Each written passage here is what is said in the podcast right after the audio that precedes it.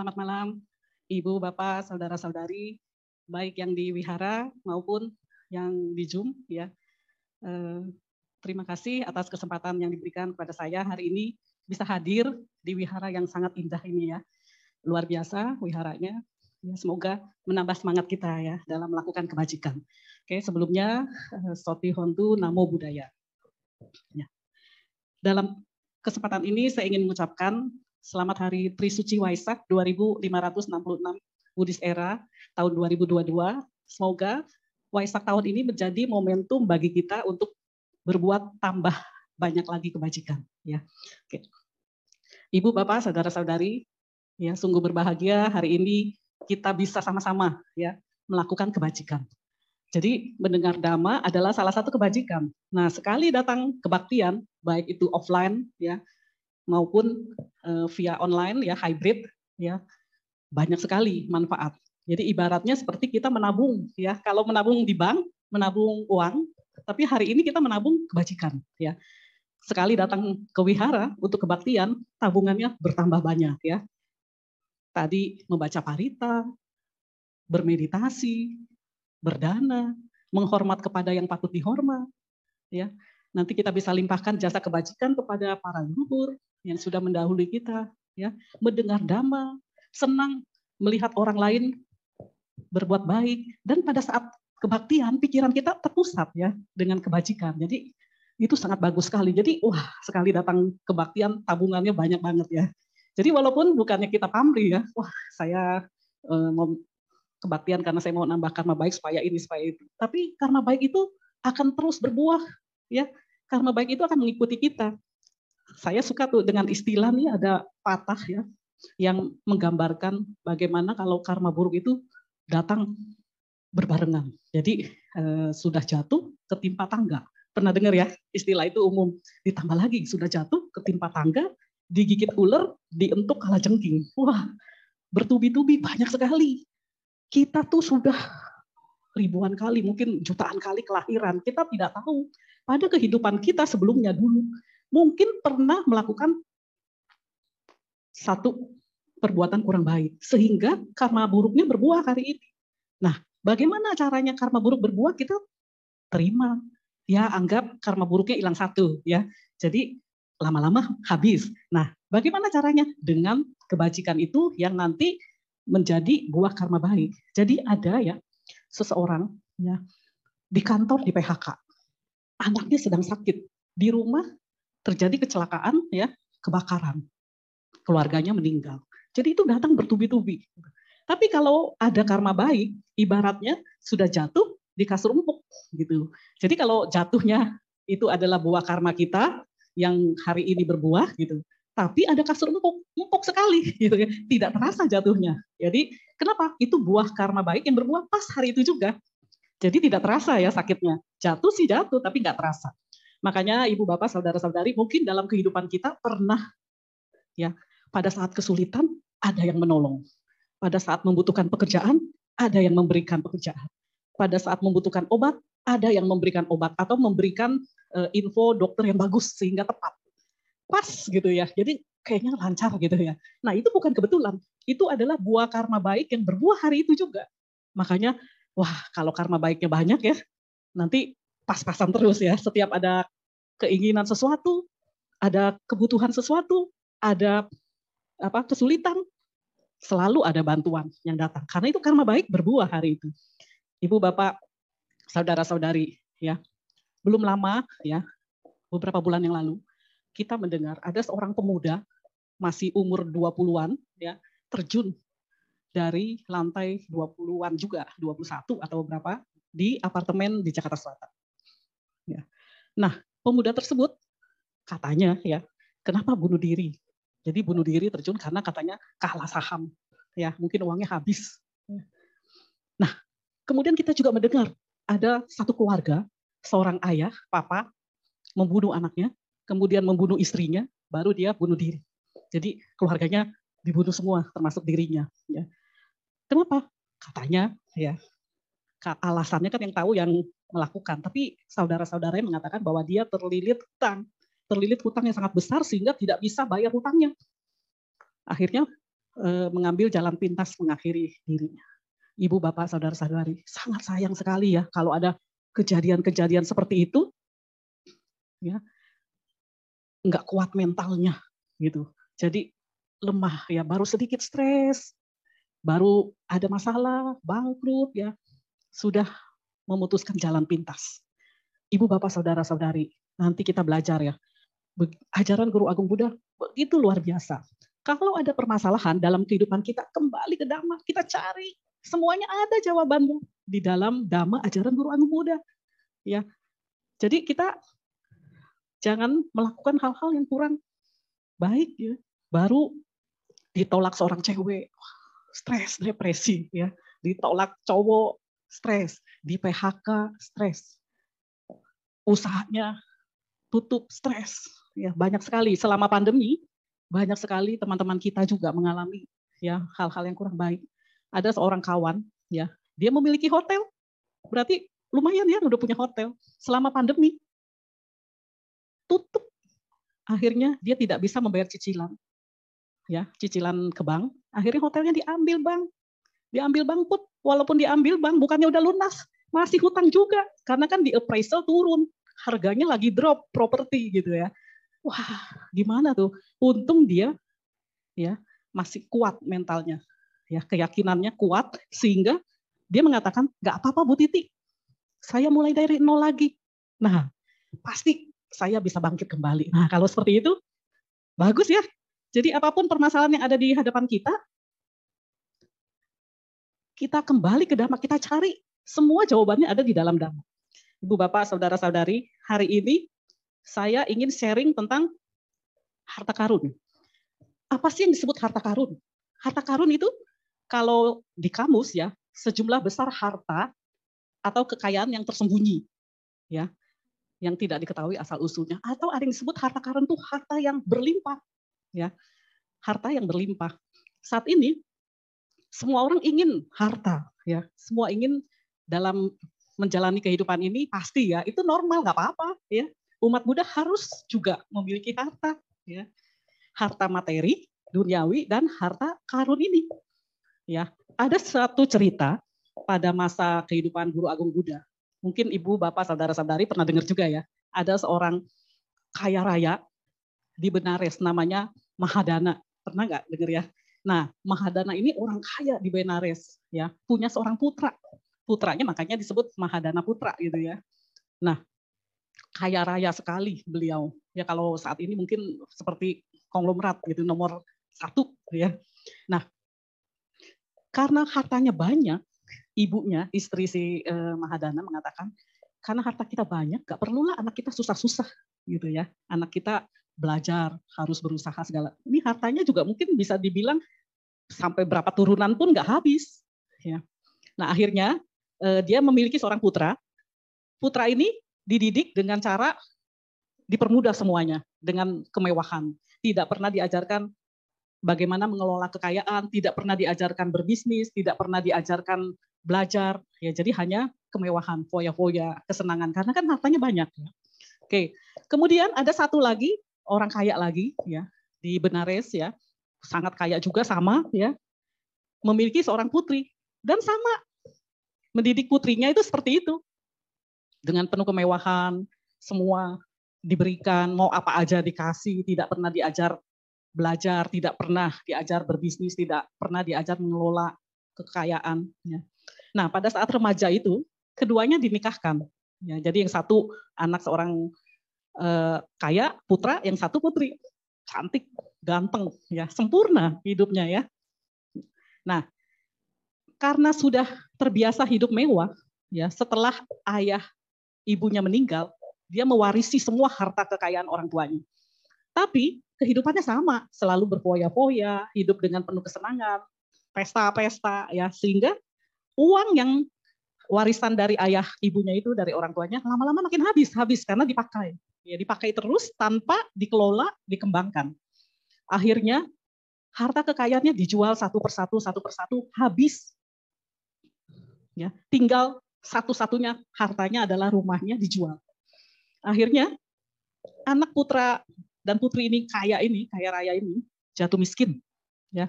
Akhirnya tinggal menebeng di sebuah gubuk di yang menempel pada sebuah rumah.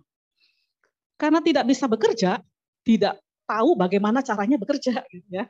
Akhirnya dia hanya bisa meminta-minta dengan mangkuk. Ya. Nah pada satu ketika suami istri ini datang ke wihara, ya menerima sisa-sisa makanan dari Samanera, sisa dana makanan dari Samanera. Pada saat itu Guru Agung Buddha melihat, kemudian berkata kepada Ananda, Ananda, sepasang suami istri itu sebenarnya anak orang kaya, ya.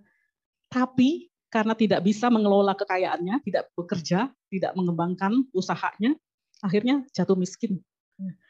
Kalau suami istri ini pada masa mudanya berusaha dengan rajin, giat, berusaha, belajar, mengembangkan usahanya, dia akan jadi orang nomor satu terkaya di kota ini. Dan setelah pensiun, sang suami, si suami, jika menjadi biku, akan menjadi seorang arahat. Istrinya menjadi anagami. Wah, berarti itu karena baiknya, karena lahirnya luar biasa ya. Udah terlahir di anak orang kaya, ganteng, cantik. Dan memang Guru Agung Buddha mengatakan dia akan menjadi seorang arahat dan anagami. Tapi itu tidak terjadi karena di masa mudanya tidak berlatih, tidak berusaha, ya tidak belajar. Oke, kalau masa mudanya lewat di pertengahan usia dewasanya, dia masih berusaha, bekerja, belajar, mengelola bisnisnya, dia akan menjadi orang terkaya kedua di kota ini. Dan setelah pensiun, jika menjadi biku, mereka, si suami akan menjadi anagami dan istrinya menjadi sakadagami. Wah, masih bagus juga ya. Itu karena baiknya begitu luar biasa. Oke, udah ya lewat lagi karena kan masa setengah bayanya juga sudah dilewatkan, nggak dikerjakan ya karena poya-poya. Mendekati usia dewasa, tua ya, mendekati tua kalau mereka masih mau berusaha, masih mau bekerja, mau berbisnis, dia akan menjadi orang terkaya kedua di kota ini. Dan kalau menjadi biku setelah pensiun, ya suaminya menjadi sakadagami, istrinya menjadi sotapana. Wah, bagus sekali ya. Tapi itu semua lewat, nggak dikerjakan. Akhirnya seperti itu. Jadi ibu bapak saudara-saudara, karma lahir kita adalah buah karma kehidupan yang lalu.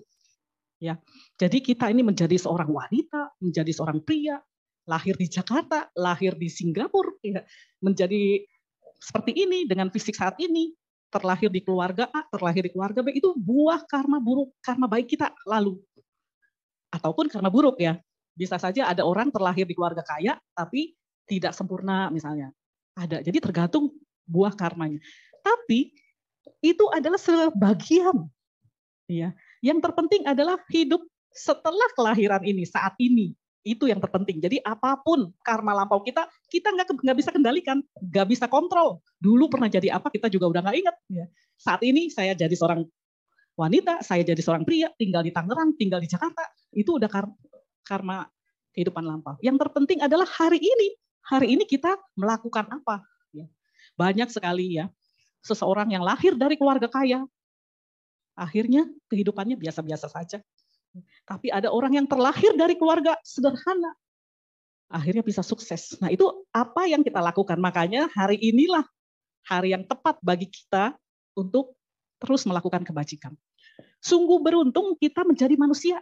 Ya, sungguh sulit terlahir menjadi manusia. Ya, jadi kenapa terlahir menjadi manusia itu beruntung? Itu ibaratnya kalau ada seekor kura-kura yang lahir 100 tahun sekali, ya udah lahirnya 100 tahun sekali, ada munculnya, dia harus memasukkan kepalanya di lubang kayu. Seperti itu ibaratnya susah sekali. Nah, itu makanya yang kita hari ini ya bisa terlahir menjadi seorang manusia sungguh beruntung. Itu adalah buah karma yang sangat bagus di kehidupan lampau sehingga kita bisa menjadi seorang manusia.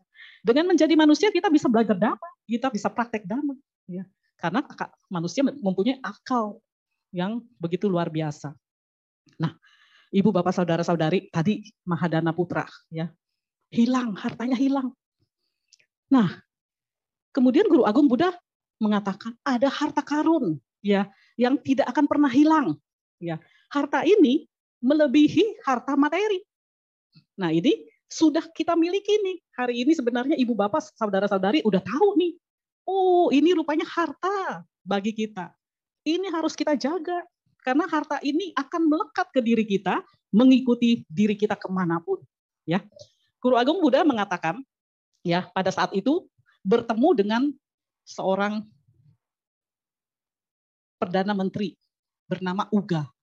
Ya, ada percakapan antara Sang Buddha dengan Uga. Ya, Uga itu perdana menteri Raja Migara Rohaniya, abdi raja. Ya, Uga memuji kekayaan materi yang dimiliki oleh rajanya. Ya, tapi kepada Uga, Guru Agung menjelaskan bahwa kekayaan materi yang dimiliki oleh Raja Migara bukanlah kekayaan sejati. Tadi Mahadana Putra aja habis ya. Padahal harusnya bisa mewaris sampai turun menurun ya.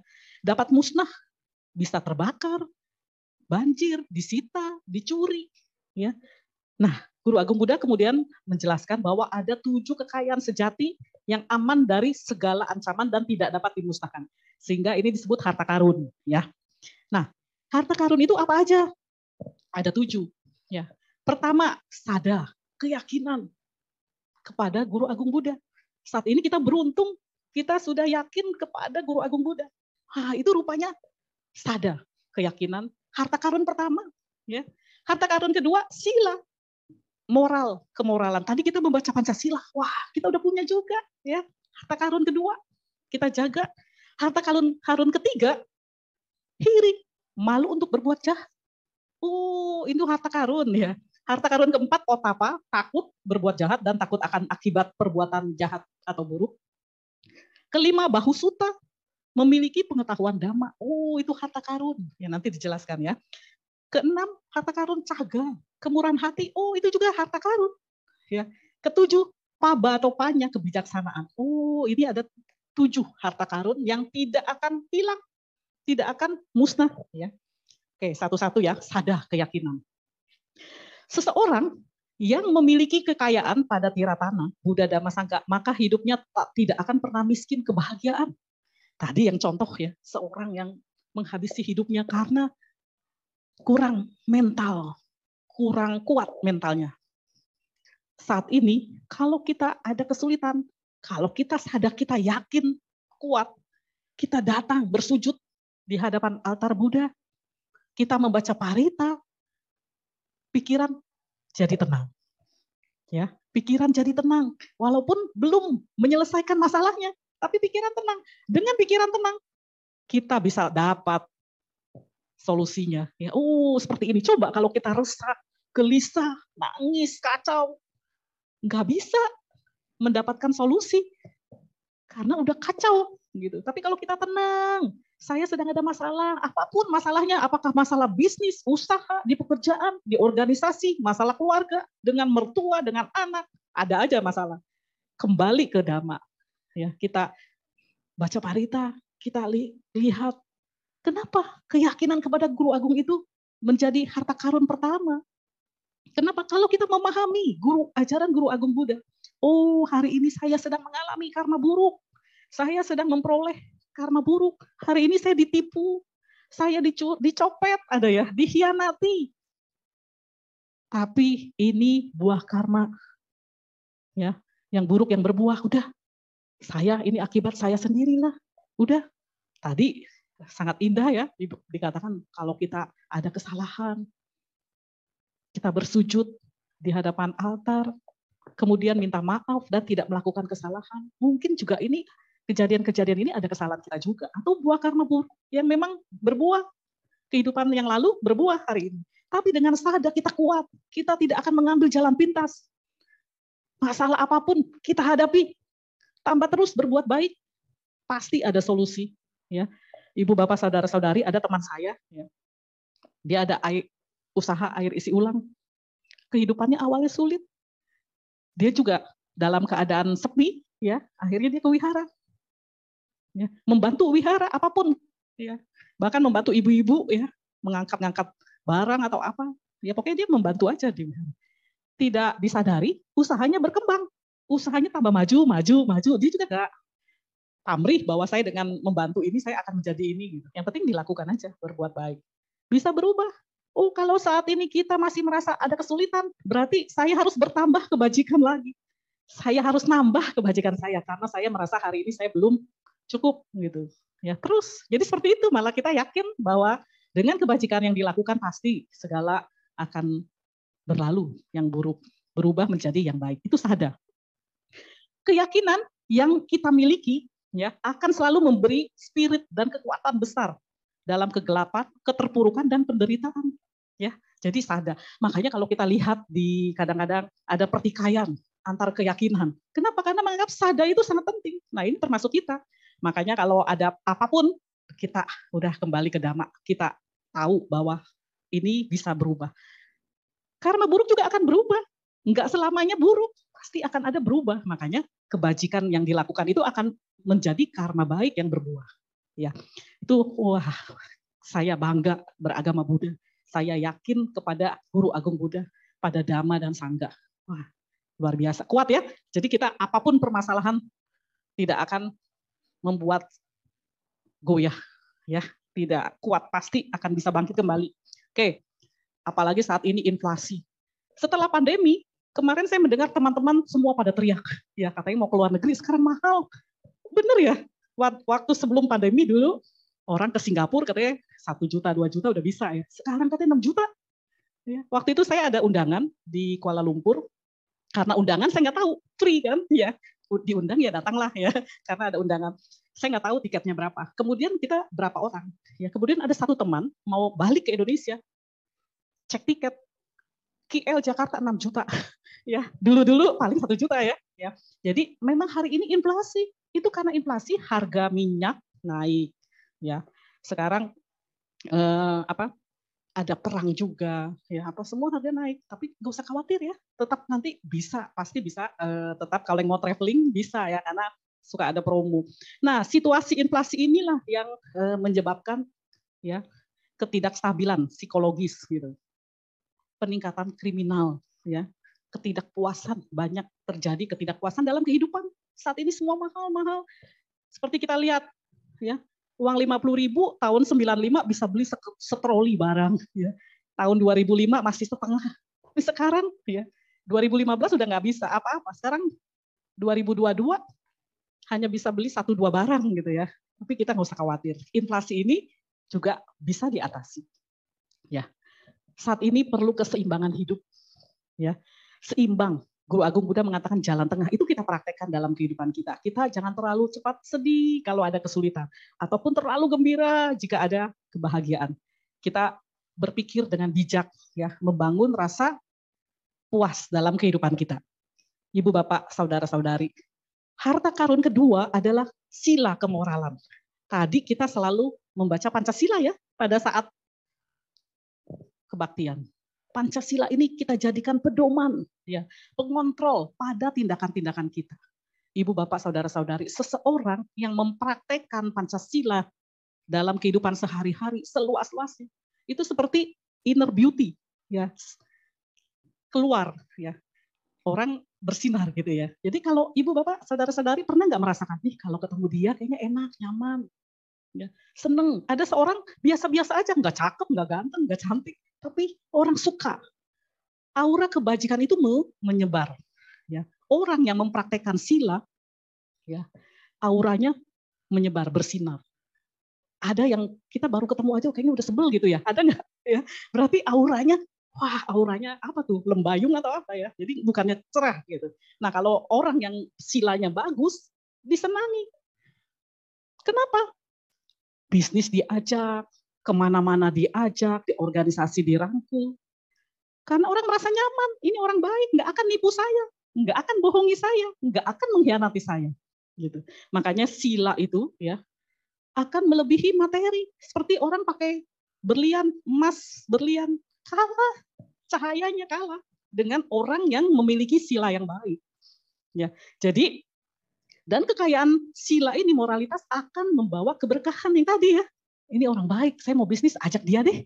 Sama dia mah bisnis kita aman, nggak akan ditipu. Ada orang teman saya kemarin itu mengatakan diajak buka restoran di Pluit, ya temannya orang Pluit. Wah saya nggak mau sama dia, katanya. orangnya suka mabuk katanya gitu. Temen saya terus terang kemarin bilang gitu, ah, saya nggak mau. Nah itu kan berarti dia memilih untuk berbisnis. Jadi dia juga lihat. Nah kalau orang yang menjalankan sila kan udah pasti dia menghindari pembunuhan, pencurian, asusila, kata-kata tidak benar, bohong, dan mabuk-mabukan. Nah dia kan udah hindari itu. Nah diajaklah bisnis. Kemudian juga orang yang pimpinan yang akan merekrut karyawan. Ya, dilihat CV-nya. Wah, pengurus wihara. Wah, anggota organisasi agama. Itu menambah nilai poin. Wah, ini nih. Kenapa itu kan orang otomatis dianggap orang pengurus wihara, pengurus organisasi, anggota organisasi agama, orang yang menjaga sila. Nah, itu plus poin.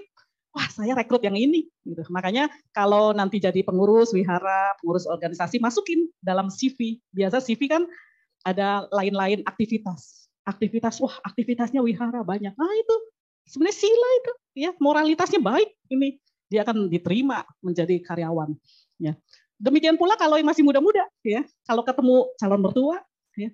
Ketemunya di mana? Di wihara gitu ya. Lebih baik ya daripada ketemunya di mana? Oh waktu dugem di sini gitu ya kenalannya lain ya.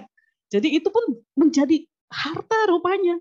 Perilaku yang baik menjadi harta, baik itu di mata pimpinan, di mata organisasi, ketua organisasi, di mata calon mertua, itu pun menjadi harta melebihi harta materi. Nah ini makanya eh, sila ini juga menjadi pengontrol. Ya.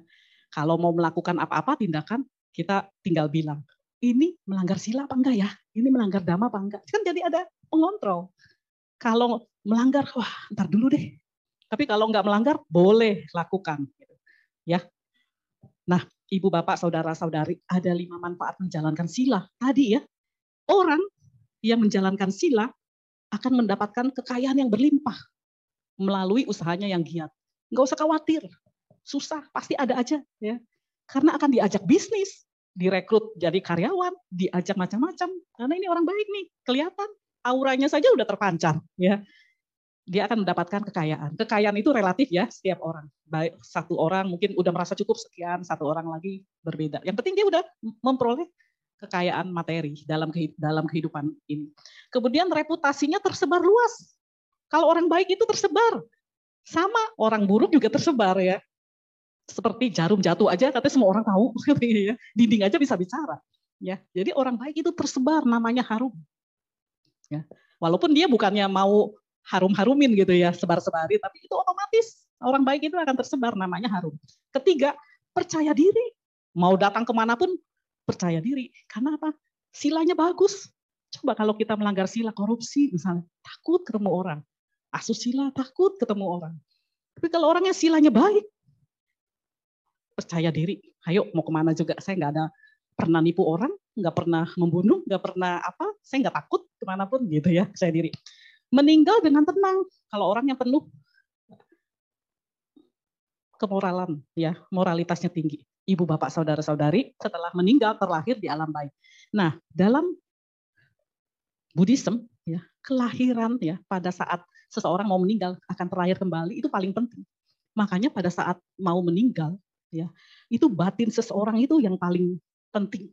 Kalau dia tenang, mengingat kebajikan-kebajikannya, dia akan terlahir menjadi alam yang lebih baik, di alam yang lebih baik. Tapi kalau kacau, gelisah, ya, itu bisa turun ke alam yang lebih rendah. Makanya kalau kita ada orang tua, ya, oma, opan, engkong, emak gitu ya, kalau akan meninggal, bisiki kebajikan-kebajikannya. Semoga pada saat itu dia ingat. Pada saat ingat dan pada saat itu dia meninggal, itu akan terakhir di alam bahagia. Makanya kalau orang yang sudah ingin meninggal ya biasanya di dengerin Parita, Liamkeng, ya dibisiki yang baik-baik. Mama, papa, dan orang yang baik sering, sering menolong orang. Si A, si B, disebutin aja kalau kita tahu ya. Sering meditasi, kebaktian. Dan selalu ingat Buddha. Gitu. Terus diingati seperti itu. Ah, pas momennya saat itu meninggal, saat itu ada ingat kebajikan yang dilakukan, ingat Buddha, Dhamma Sangga, terlahir ke alam yang lebih baik. Dan untuk kematian ini kan kita pasti ya, kapan saya baru mendengar berapa hari yang lalu adiknya teman umur 42 meninggal. Minggu lalu saya melayat papanya teman umur papanya seorang mahasiswa ya, umur 52 sedang makan-makan meninggal. Kita nggak tahu kapan meninggal. Kalau bisa sampai umur 80, 90, bagus panjang umur. Tapi ini sering nih, saat ini sering mendengar umur 50, umur 40 sudah meninggal. Nah bagaimana kalau pada saat meninggal itu batin tidak tenang. Pada saat meninggal nanti muncul karma kebiasaan. Makanya kebiasaan kebaktian, baca parita, meditasi itu juga bisa muncul pada saat seseorang akan meninggal. Kebiasaannya apa? Makanya katanya kalau ada yang gelisah, pernah membunuh atau apa gitu, gelisah pada saat mau meninggal. Itu harus dibisiki yang baik-baik ya. Jadi kebiasaan itu yang dulu-dulu pernah dilakukan bisa muncul lagi. Makanya kalau ada yang mau meninggal kadang-kadang ketemu engkong, ketemu emak gitu ya, atau ngelihat rumput atau apa itu itu udah ciri-ciri yang nantinya akan terlahir di alam mana. Ya makanya penting kita menjaga batin. Batin kita terdiri dari pikiran, perasaan, memori, ingatan, dan kesadaran. Nah, kesadaran itu penting. Ya pada saat itu yang penting sadar tuh. Ya kesadaran-kesadaran itulah yang nanti membantu kita. Ya ini sila ini benar-benar kita jaga. Ya kita udah tahu, kita kembangkan seluas-luasnya. Gimana caranya mengembangkan hal-hal kecil? Ya kadang ada yang berdagang. Misalnya satu buah barang gitu harganya sepuluh ribu kita mau jual dua puluh ribu boleh boleh aja itu kan haknya si pedagang tapi nggak perlu kita bilang ini dua puluh ribu murah loh. Untung saya kecil cuma seribu gitu ya. Padahal modalnya sepuluh ribu. Nggak perlu demikian. Itu udah melanggar sila sila keempat. Lebih baik kita bilang ini dua puluh ribu murah loh. Untung saya nggak banyak. Ya boleh aja bilang nggak banyak kan relatif. Tapi nggak usah sebutkan untung saya seribu gitu ya. Supaya orang percaya untungnya kecil gitu. Ya. Nah, itu hal-hal kecil dalam kehidupan kita. Kemudian, nah kadang umat Buddha nih kita yang mau melakukan sila pertama, ya kita mau mengembangkan sila pertama. Ayo kita makan yuk di seafood, ya seafood terkenal. Ya. Nah itu kan banyak yang live seafood tuh. Ya, kita pilih nih yang ini, yang ini. Kalau pada saat kita mengembangkan sila, kita nggak pilih itu, pilih yang udah mati aja. Kita boleh makan, tapi jangan yang live gitu, yang hidup seperti itu ya. Nah ini kalau mengembangkan sila belum bisa bertahap ya pelan-pelan kembangkan sila seluas-luasnya kadang-kadang di satu kesempatan ada souvenir bagus di satu tempat. Orang nggak sadar itu ambil. Ah ini kan bolehlah ambil. Lucu nih dibawa pulang. Itu udah melanggar juga sila ya pencurian. Lebih baik kita ih lucu nih di restoran. Kita minta aja gitu ya. Kadang-kadang hal-hal kecil. Kemarin juga banyak yang bertanya aduh kadang-kadang di mana ada orang maaf ya kadang ada di tempat satu pesta atau apa, ada yang ngambil makanan, nggak merasa, masukin dalam tas gitu ya. Ada, mungkin ada dalam keseharian kita seperti itu, tapi itu udah melanggar sila. Lebih baik kita minta, ini saya mau minta buat anak saya gitu, atau minta buat siapa. Ya, kalau kita ambil diam-diam, kecuali memang oke okay, ambil ambil ya silakan ambil boleh dibawa pulang ya, ya boleh kalau misalnya enggak kita lebih baik minta hal-hal kecil dalam keseharian ya atau juga dalam kesempatan bekerja. Kenapa terlambat? Padahal kita datangnya memang terlambat, bangunnya kesiangan. Tapi kita biasanya nggak bilang kesiangan ya, bilangnya apalah, apalah. Padahal itu juga melanggar sila. Hal-hal kecil. Lebih baik bilang, kenapa terlambat? Iya, mohon maaf saya terlambat. Udah, seperti itu saja. Nggak perlu diteruskan, diceritakan yang aneh-aneh, yang direkayasa gitu ya. Itu pengembangan sila seluas-luasnya. Jadi orang yang menjaga sila luar biasa, seperti dia memakai perhiasan melebihi emas permata berlian itu ya. Itu harta karun kedua. Wah, sudah ada harta karun punya. Kita udah punya ya harta karun itu. Nah, ketiga dan keempat hiri dan otapa yang tadi. Oh, rupanya hiri itu takut itu juga harta karun. Kenapa? Kalau kita masih takut, malu, berbuat jahat, berbuat tidak baik, itu masih memiliki harta. Ada orang yang maaf dibilang tidak tahu malu katanya ya. Nggak ada malunya, wah itu hartanya udah nggak ada. Justru kalau orang ada malu, aduh malu ah, nanti kalau saya lakukan ini orang-orang tahu malu saya. Nah itu bagus, artinya masih memiliki harta malu, rasa malu. Ya. Jadi dengan memiliki rasa malu dan takut berbuat jahat akan mengurangi kemerosotan kita, menjaga supaya kita nggak merosot. Ada rasa malu dan takut gitu ya. Jangan ah, malu, takut gitu.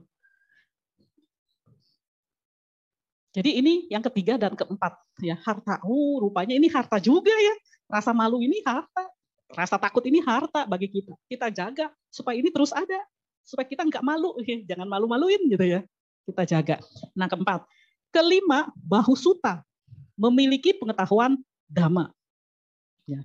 Belajar ilmu pengetahuan hingga lulus akan mendapatkan kehormatan. Ya, orang yang sekolah gitu akan mendapatkan kehormatan. Namun pelatihan dalam tingkah laku ya yang membawa pada kedamaian. Jadi pengetahuan dhamma ini rupanya harta ya, harta yang kelima. Oh, makanya datang kebaktian itu kadang udah tahu. Kalau kita udah tahu, tambah yakin, tambah hafal ya. Kalau kita belum tahu, jadi tahu ya manfaatnya banyak mendengar dhamma. Jadi mendengar dhamma kita jadikan kebiasaan. Kalau setiap hari Sabtu, ini bagus juga nih ya, Wihara Dharma Suka kebaktiannya jam 6. Wah, berarti kalau jam 6, jam 8 selesai ya. Bisa eh setengah enam ya, setengah enam, setengah delapan sampai jam delapan masih bisa jalan-jalan gitu ya bagus. Kalau enggak ada yang komplain, ya kebaktian malam minggu ya mau jalan-jalan terganggu gitu. Jadi bagus juga jam enam, setengah enam sampai setengah delapan gitu ya. Nah, ibu bapak, saudara-saudari, pengetahuan dhamma ini luar biasa. Ya, jadi apa pun tadi ada permasalahan dalam kehidupan kita. Kalau kita makin paham dhamma, kita nggak nggak goyah, nggak cemas, nggak khawatir, nggak gelisah, ya kuat, tahan mental. Apa pun permasalahan dalam keluarga kita, saya nggak akan berbuat yang jalan pitas, gitu ya. Apa pun permasalahan dalam kehidupan kita. Nah, ibu bapak, saudara-saudari, wihara yang indah ini begitu luar biasa. Kita jadikan wihara ini jadi tempat menanam kebajikan. Ada kegiatan apa kita ikut, ada kesempatan menjadi pengurus ikut. Ya, ini kesempatan kita. Kita ajak teman-teman kita. Ya, setiap hari apa ya dari Jumat satu Minggu ada acara di wihara. Kita ajak, kita tambah lagi berbuat kebajikan. Kita ajak teman-teman datang. Nanti penuh ya, dibikin lagi sesinya. Setiap hari akan ada kebaktian gitu. Nah, pengetahuan dhamma inilah yang akan menuntun kita. Hidup kita akan bahagia, kita hidup kita tenang. Ya, itu rupanya harta karun kelima. Nah, harta karun keenam kemurahan hati jaga. Kemurahan hati adalah kebajikan pemula. Seseorang yang bisa bermurah hati, berdana, itu seperti melewati gerbang. Melewati pintu gerbang. Masuk ke pintu gerbang. Kalau udah masuk, baru bisa melihat yang lain-lain. Intinya apa? Kalau sudah bisa berdana, bisa melakukan kebajikan yang lain-lain. Kalau belum bisa berdana, belum rela, melepas, sulit melakukan kebajikan yang lain. Ya. Nah, berdana ini bukan hanya materi. Bagi yang punya materi, boleh berdana. Berdana ini bisa macam-macam. Berdana melalui pikiran, menjadi organ, eh, pengurus organisasi, pengurus wihara. Bagaimana memajukan nih umat kita, bagaimana wihara ini berkembang. Berdana pikiran. Sangat luar biasa. Berdana waktu, biasanya sibuk ya saat ini mengurus wihara, mengurus organisasi, mengundang penceramah, menjemput dhamma duta, memimpin parita, menjadi MC, membereskan bangku atau apa pun bisa dilakukan. Oh, itu berdana. Berdana yang sangat besar pahalanya. Jasanya ya, jasa kebajikannya oh berdana. Ibu bapak saudara-saudari, kalau seseorang berdana ya, itu ibaratnya ya seperti menanam padi menanam padi satu, ya buahnya ratusan. Menanam mangga seperti menanam mangga satu berbuah terus, berbuah terus. Asal disiram, diberi pupuk, buahnya nggak ada habis-habisnya. Ada seorang pemuda, dia bertanya, saya hari ini baru ditipu satu miliar. Wah besar sekali. Karena buruk saya kenapa ya bisa ditipu seperti ini? Rupanya setelah dilihat, ya, dia pernah membohongi si ibu warung. Ya, kalau kita makan di kantin tuh ya di warung, kadang kita makan dulu, nanti setelah makan baru bilang, oh tadi saya makan nasi, tempe, ayam, ikan. Ya. Itu terserah aja, dihitung. Mau ngaku berapapun orang nggak tahu ya. ya. Nah ini ada pemuda ini rupanya bohongi dua tempe, makan tiga tempe, ngakunya satu. Wah, harga satu tempe ibarat contoh 2000, dua tempe 4000. Si ibu warung untungnya sehari 40.000. Berarti ngebohongin maksudnya merugikan si ibu itu 10%. Nah, harusnya pada saat dia sekarang usahanya berkembang ya dapat 10 miliar keuntungan rugi 1 miliar ya dikhianati temannya ditipu 1 miliar itu 10% juga kalau kita bilang begitu wah nggak adil dong masa tempe dua saya bisa rugi 10, 1 miliar. Ya begitu. Kalau kita membohongi orang 10 persen, ya nanti kalau usahanya berkembang puluhan miliar, ya 10 persen dari puluhan miliar itu. Jadi yang kembali itu rupanya bukan apple to apple seperti itu. Kalau orang berdana, saya berdana 10 ribu, nanti saya dapat karma baik 10 ribu. Jadi nggak nggak seperti itu. Ya, jadi kalau kita memberikan kebahagiaan orang kepada orang lain, yang nilainya mungkin 10 ribu rupiah, orang itu udah berbahagia. Nah, nanti karma baiknya kebahagiaan itu yang datang kepada kita. Ya, kebahagiaan yang datang kepada kita, apa pun ya, kebahagiaan bisnisnya berhasil, pekerjaannya diangkat jabatan yang lebih tinggi atau apa yang membuat dia bahagia. Kebahagiaan itu buah karma baik dari berdana yang sepuluh ribu itu. Jadi bukan dinilai sepuluh ribu dapat sepuluh ribu. Ya. Seperti tadi, begitupun karma bu, karma buruk. Ya. Jadi oh begitu luar biasa ya kemurahan hati. Makanya kalau nanti ada kesempatan berdana, ya. Brother Lucky sering bikin ini ya vaksin ya waktu itu. Ayo bantu jadi volunteer. Gitu. Ya. Itu berdana tenaga, waktu. Atau kalau ada materi, berdana materi. Enggak harus sesuai kemampuan kita. Berdana pun harus dengan bijaksana. Ya. Ada ini cerita ya. Cerita juga memang kejadian. Berdana perlu bijaksana. Ada seorang suami komplain cerita, ini istri saya. Setiap hari ke wihara berdana makanan. Tapi di rumah nggak ada makanan gitu ya. Jadi nggak disiapkan makanan untuk keluarga. Akhirnya terjadi percekcokan. Sayang ya, berbuat baik, tapi kurang bijaksana. Ya, kalau berdana di rumah disiapkan juga, udah disiapkan makanan dulu, baru pergi ke mana? Berbuat kebajikan, berorganisasi. Jangan sampai terlantar, akhirnya terjadi cekcok gitu ya. Jadi itu hal-hal seperti itu ya. Kadang ada kewihara, tapi mamanya meminta antar ke dokter. Enggak bisa, Ma. Ini kewihara dulu ada tugas. Nah, kalau orang tua sakit, orang tua dulu diutamakan. Setelah orang tua diantar ke dokter atau dibelikan obat atau apa udah beres baru. Makanya harus bisa memanage waktu. Kalau acaranya jam 10 berarti kita antar dokternya pagi gitu. Jangan sampai dengan alasan kewihara berbuat baik tapi kita tidak membantu orang tua kita.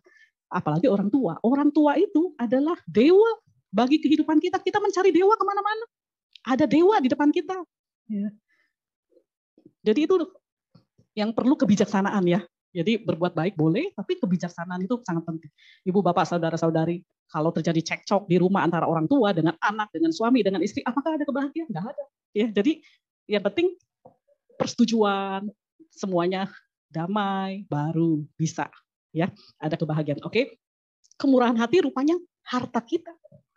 Kalau kita udah merasa bisa melepas, wah, berarti itu udah punya harta yang keenam. Kita jaga Semoga melepas ini terus kita kembangkan setiap hari selalu berbuat baik. Bahkan berbuat baik itu bisa mendoakan teman kita, ya. Kita tersenyum membuat orang lain bahagia. Kalau kita membuat orang lain bahagia, kita akan bahagia. Bahkan dalam kehidupan sehari-hari kita. Jadi rupanya berdana itu ya, bukan hanya berdana materi ke wihara, tapi juga bisa berdana melancarkan pekerjaan, membalas email dengan cepat. Seseorang membutuhkan kita, butuh jawaban. Wah lama, kadang saya sama, baca WA juga lama. Tapi orang itu butuh cepat. Kalau kita kasih kelancaran, dia bisa menyelesaikan kerja dengan cepat, itu pun akan melancarkan. Ya, Oke, nah harta karun ketujuh, panya kebijaksanaan. Wah, kalau orang bisa bijaksana dalam kehidupannya, tahu yang mana yang benar, yang mana yang kurang benar, itu memiliki harta kebijaksanaan. Oh, orangnya bijaksana, gitu ya. Makanya salah satu kebajikan dan puncak dari kebajikan kita ya. Untuk mencapai kebijaksanaan ini melalui proses tahapan ya, kebijaksanaan kecil dan kebijaksanaan besar ya. Untuk mencapai kebijaksanaan ya, pertama harus disiplin. Kedisiplinan dalam bekerja, beraktivitas. Semangat utana sampada untuk disiplin. Kedua, bijaksana dalam belajar ya sutamaya panya. Ketiga, bijaksana dalam pola pikir. Cinta maya panya. Dan berkesadaran melalui konsentrasi bawana. Tadi latihan konsentrasi. Nah, rupanya kesadaran itu sangat penting. Tadi batin kita terdiri dari empat tadi, pikiran, perasaan, memori, dan kesadaran. Kesadaran itu sangat penting. Yang penting melatih deh. Saat ini waktunya yang paling tepat untuk kita mulai melatih diri Ya, kita mulai meditasi, konsentrasi. Sebentar, lama-lama akan terbiasa. Berat rasanya kalau meditasi ya, berat gitu. Tapi coba dibiasakan. Kalau 20 kali kita lakukan, segala sesuatu itu menjadi kebiasaan. Jadi terbiasa, mudah gitu ya. Jadi pertama kayaknya berat, ngantuk, lama-lama mudah. Meditasi itu akan menjadi seperti kita charger ya. Kalau kita ngecas HP, nah meditasi ini kita ngecas diri kita. Gitu. Meditasi ini dalam arti kita sadar, penuh perhatian. Yang kerja di kantor mungkin pas makan siang. Tenang 10 menit, pusatkan pikiran, konsentrasi. Wah, itu ngecas. Wah, rupanya badan kita, batin kita perlu dicas. Ya. Perlu dicas juga, sama seperti HP. Kalau nggak dicas, tiba-tiba dalam keadaan itu tadi saya bilang ya, ada yang umur 42, umur 50, waktu makan, sayang ya, nggak cukup waktunya kalau mau latihan, karena udah waktunya. Nah sekarang kita sehat, saat inilah waktu kita untuk berlatih kesadaran. Momen yang sangat baik. ya. Wah saat ini saya mau mulai melatih kesadaran, walaupun sulit. ya.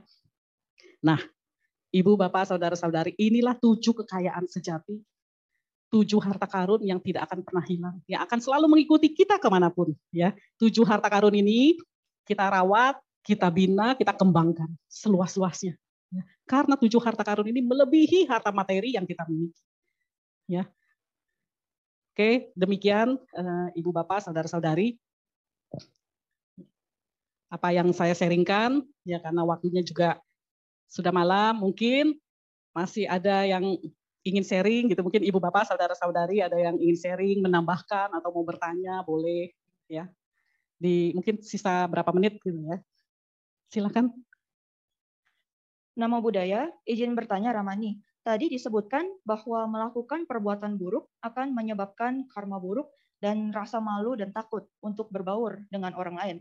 Lalu mengapa ada orang yang secara rutin melakukan perbuatan buruk, tetapi hidupnya terlihat sangat lancar dan tidak ada rasa insecure untuk berbaur dengan orang lain? Terima kasih. Oke, pertanyaannya sangat bagus ya. Karena sering kita lihat dalam kehidupan ya ada seseorang yang kita lihat kurang baik gitu ya, selalu berbawa, berbuat kurang baik, berbuat jahat, tapi kok hidupnya makmur, ya bahagia, kayaknya happy happy gitu ya. Kalau kita tahu tadi ya, kalau kita menanam bibit yang kurang baik akan menghasilkan buah yang kurang baik. Jadi begini, kita itu sudah lahir mati lahir mati kehidupan kita udah ribuan kali ya pada saat hari ini ya menikmati karma baik yang tadi ya terlahir di keluarga kaya, fisiknya sempurna, ganteng, cantik, ya. sedang menikmati buah karma dari kehidupan yang lalu, perbuatan baik yang lalu. Nah saat ini melakukan kegiatan atau perbuatan yang kurang baik itu belum berbuah. Berbuahnya tergantung kondisi masaknya. Kalau memang karma baiknya banyak, terlihatnya itu karma baik, dia happy-happy aja melakukan itu. Tapi kalau nanti karma buruknya berbuah, ya baru merasakan akibat dari perbuatannya ini. Jadi tergantung kondisi masaknya. Contoh, seseorang yang korupsi. Happy-happy, menikmati hasil korupsinya itu. Dan nggak ketahuan. Selama memang ya belum berbuah karma buruk yang dilakukan. Tapi pada saat nanti ketahuan, langsung reputasi habis.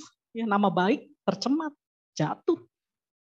Jadi itu tergantung buah karmanya. Jadi perbuatan buruk pasti berbuah buruk, perbuatan baik pasti berbuah baik. Ya, makanya tadi yang saya bilang pas-pasan. Ya. Pada saat membutuhkan ada karma baik yang berbuah sehingga seakan-akan seperti tertolong. Padahal itu buah karma baik yang berbuah hari itu. Ya jadi ya, kalau saat ini kelihatannya biasa-biasa happy-happy aja dan tidak takut, tidak malu, ya karena itu belum berbuah. Ya nanti pada saat masaknya akan berbuah keburukan itu. Ya, makanya saat ini kita terus berbuat baik. Kalau berbuat baiknya banyak tuh tadi seperti ibarat sudah jatuh tapi dikasih rempuk. Jadi nggak terasa sakitnya. Buah karma buruk berbuah. Kita terima. Tapi ada karma baik, kasih rempuk, nggak terasa. Ibaratnya karma buruk itu seperti garam, ya. Karma baik itu air, ya. Garam satu sendok ditaruh di gelas terasa asin, ditaruh di satu ember nggak terasa asinnya. Padahal garamnya masih ada, sama satu sendok, tapi airnya banyak, nggak terasa asin lagi. Bahkan kayaknya nggak ada garamnya deh gitu ya, nggak terasa. Nah itu, jadi tambah terus karma baik itu. Jadi karma buruk satu sendok garam itu nggak terasa, ya walaupun berbuah, ya udahlah berbuah, biarinlah gitu. Anggap itu satu karma buruk yang berbuah, toh jadi karma buruk kita hilang satu. Tapi saya bisa mengatasi banyak pertolongan, banyak solusi. Nah itu seperti itu ya. Jadi orang yang melakukan perbuatan buruk, walaupun saat ini masih kelihatannya bahagia, happy, nggak ada rasa malu atau satu saat pasti akan berbuah. Entah itu kehidupan sekarang, pada saat berapa tahun kemudian bisa berbuah kapan aja. Jadi itu tinggal tunggu masaknya. Ya, jadi bukan berarti kok saya berbuat baik, tapi kok saya hidupnya susah, banyak masalah, belum, masih kurang perbuatan baiknya ya. Pasti perbuatan baik, karma baiknya akan berbuah nanti. Yang melakukan karma buruk, kelihatannya dia biasa-biasa aja, happy-happy aja. Nanti satu saat buah karma buruknya berbuah. Gitu ya. Jadi seperti itu ya. Semoga bisa menjawab. Tadi kan disebutkan kita punya takayan tujuh ya, termasuk sila. Terkadang di dalam berbisnis atau di dalam kehidupan kita, kalau nggak meleset dikit nggak gol tuh. Apakah kita tetap harus apa stay on track atau ya sesuai dengan dengan bisnis itu gitu. Gitu aja penjelasan. Terima kasih. Oke. Terima kasih pertanyaannya bagus ya. Karena sehari-hari nih sering terjadi nanti dalam kehidupan kita ini mau bagaimana. Kalau kita mau berbisnis, tetap kita harus on the track, harus sesuai. Karena kalau kita sedikit-sedikit uh, ya melanggar-melanggar dikit, melanggarnya seperti apa dulu gitu ya. Jadi sebenarnya yang penting apakah yang kita lakukan itu melanggar sila apa enggak. Ya. Seperti ada satu umat juga bertanya, dia ditawari satu pekerjaan, kalau ini pekerjaan. ya. Tapi perusahaannya itu dianggap kurang baik gitu ya kan kita dianggap eh, apa menghindari kalau misalnya berjualan senjata berjualan makhluk hidup gitu ya racun ya nah dia akhirnya udah lebih baik saya menolak cari sesuatu yang lain tapi kalau dalam keadaan satu kondisi. Misalnya ada banyak ya kita sering dengar contoh nelayan. Memang pekerjaannya harus nelayan. Nggak apa-apa, kerjakan dulu. Kenapa kalau nggak begitu nanti kehidupannya gimana keluarganya tetap dijalankan sambil berbuat baik tiba-tiba ada peluang sesuatu yang baik gitu akhirnya kita bisa berubah gitu. jadi tetap saja eh, kita on the track tetap menjalankan sila dalam bisnis kita gitu tapi kalau masih belum tetap ke arah yang benar gitu. Pasti ada jalan ya. Jadi eh, kita lihat oh ini melanggar apa enggak. Kalau melanggar hindari. Kita terus yang sesuai sila ya. Ini untuk sehari-hari kita. Kita kembangkan baik itu dalam bisnis, usaha. Ya. Tapi kalau belum bisa gimana? Ya jalankan dulu, terus berbuat baik, pasti ada peluang. Yang akhirnya kita nggak terus-terusan melanggar itu, melanggar sila misalnya ya. Jadi sila itu dijadikan satu rel bagi kita dalam melakukan usaha atau berbisnis, bekerja. Nah, seperti itu ya. Pasti nanti akan ada perubahan, akan ada jalan. Sehingga kita tidak melakukan itu lagi gitu. Ya. Baik, itu semoga menjawab ya. Terima kasih. Ya. Selamat malam, Nama Budaya Rawani. Nama Budaya. Saya ada pertanyaan. Uh, tadi dibilang bahwa salah satu manfaat menjalankan silat adalah terlahir di alam baik, yaitu alam surga. Bagaimana dengan alam manusia? Apakah termasuk alam baik? Karena untuk menanam kebajikan bukankah hanya bisa di alam manusia? Terima kasih. Terima kasih. Pertanyaannya bagus lagi ya. Semuanya bagus-bagus. Terlahir di alam baik. Jadi alam manusia juga terlahir alam manusia juga alam yang baik ya. Jadi kan tadi sungguh beruntung terlahir menjadi manusia. Seperti seekor kura-kura yang lahir muncul 100 tahun sekali masuk kepalanya di lubang kayu. Ya. Jadi itu sungguh sulit menjadi manusia. Jadi manusia juga alam baik, tapi ada sebagian merasa bahwa ada alam yang lebih baik lagi dari manusia. Tapi kalau nanti terlahir jadi manusia, tetap itu adalah karma baik. Ya, karma baik manusia, terus kemudian alam dewa. Kenapa? Karena alam dewa kan ada banyak tingkatannya ya. Jadi ada yang ingin sesuatu baru memikirkan saja sudah terpenuhi, baru sudah tersedia gitu. Dianggap alam dewa lebih baik. Nah, banyak eh, dari kita umat ya beraditana. Kalau saya terlahir di alam dewa, saya ingin alam dewa yang belajar dhamma. bukan alam dewa yang tidak bisa belajar. Ya, bahkan dikatakan ada alam arupa, ya, Brahma. Jadi nggak ada rupanya. Wah, kalau walaupun menjadi Brahma, kalau nggak ada rupanya katanya nggak bisa melakukan kebajikan, gitu ya. Jadi alam dewa pun ada tingkatan-tingkatannya. Jadi alam dewa yang mengenal dhamma, yang praktek dhamma gitu. Jadi bisa. Di alam dewa itu bukan hanya dewa yang bersenang-senang saja, tapi ada dewa yang melakukan kebajikan. Gitu. Nah itu berarti tanah seperti itu ya. Jadi alam dewa adalah alam baik, manusia pun alam baik. Ya. Cuma orang e, ingin sesuatu yang lebih baik dari manusia. Gitu ya. Ingin terlahir di alam yang lebih baik dari manusia. Oke, apakah bisa menjawab? Terima kasih. Selamat malam, malam Bu saya. Uh, ini uh, kita lihat dari sekarang ini ada kejadian yang negara berperang ya. Nah, kalau dari sisi kerjaan sebagai tentara atau sebagai jaksa atau mereka diharuskan menjatuhkan hukuman atau menembak orang sampai mati ya. Nah, apakah dalam waktu saat itu apakah karma dia juga akan berbuah atau apa yang terjadi apakah dia juga jatuh ke bawah, ke alam lebih bawah lagi. Nah, gimana dengan karena itu dia diperintah sebagai seorang tentara. Ya itu. Selamat Terima kasih Bapak pertanyaannya bagus ya. bagus sekali ya. Karena saat ini kan banyak apa pun profesinya ya, apa pun profesinya, kalau profesi itu legal memang ada ya. Profesi itu adalah seseorang melakukan pekerjaannya sesuai tugas dan tanggung jawabnya.